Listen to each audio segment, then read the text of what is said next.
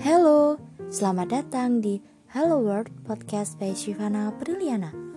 Gue baru aja menyelesaikan bacaan gue untuk bulan ini yaitu novel Perempuan di Titik Nol Karya Nawal El Sadawi. Novel ini sejujurnya adalah novel terjemahan dari Arab. That's why ketika baca di halaman awal-awal Bahasa khas novel terjemahan langsung kerasa. But anyway, novel ini berhasil bikin gue mikir dan jauh lebih mikir. Khususnya ke dalam diri gue sendiri. Apakah selama ini gue juga ikutan melestarikan budaya patriarki tanpa gue sadari? Forget about it. Gue akan mereview tentang novel ini. Sekalian ngebahas episode tentang perempuan part 2. So guys, novel ini katanya diangkat dari kisah nyata di mana Firdaus adalah seorang pelacur yang hidupnya berakhir dengan hukuman mati karena telah membunuh seorang germo. Jauh lebih daripada itu, ada satu hal yang bisa gue tarik benang merah dari novel ini. Yaitu, Firdaus dewasa adalah Firdaus yang dibentuk dari Firdaus sejak kecil.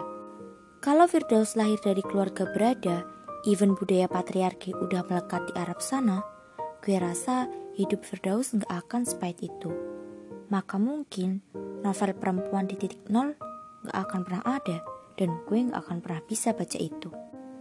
Dan pada akhirnya, gak akan ada atau hanya sedikit orang-orang yang tercerahkan tentang isu-isu semacam ini. Firdaus yang sejak kecil udah mendapat pelecehan seksual, maka mau tidak mau harus menjalani hidup dengan sangat struggle. Firdaus memandang bahwa semua laki-laki sama, tidak ada yang berbeda, bahwa perempuan memang sudah sejak lama menjadi properti bagi laki-laki.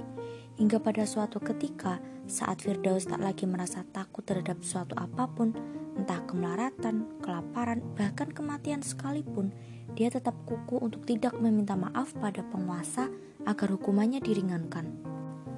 Kembali tentang persoalan perempuan, gue rasa pun masih sangat sulit untuk mengedukasi semua lapisan masyarakat tentang pentingnya pendidikan seks dan pengembangan diri, entah itu karena background keluarga di mana masih menganut nilai-nilai tradisional, atau adanya gap antara diri sendiri dan sumber informasi, internet misalnya, buku, atau narasumber sekalipun. Menurut gue, penting banget menerapkan ilmu-ilmu tentang pendidikan seks sejak dini. Ya no matter what dianggap tabu karena di pikiran banyak orang hal-hal semacam ini tuh nggak layak.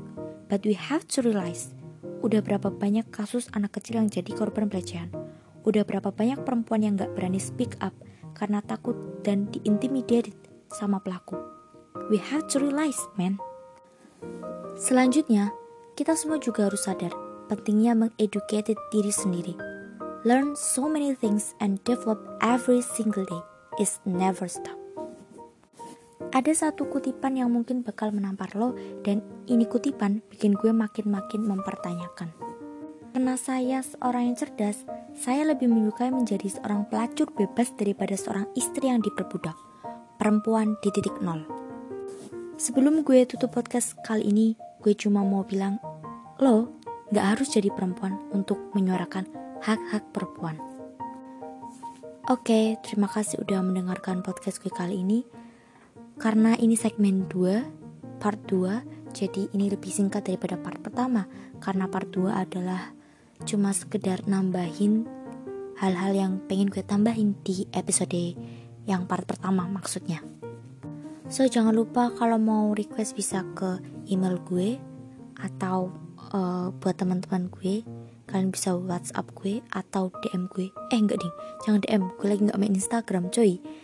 Oke, okay, Terima kasih. See you.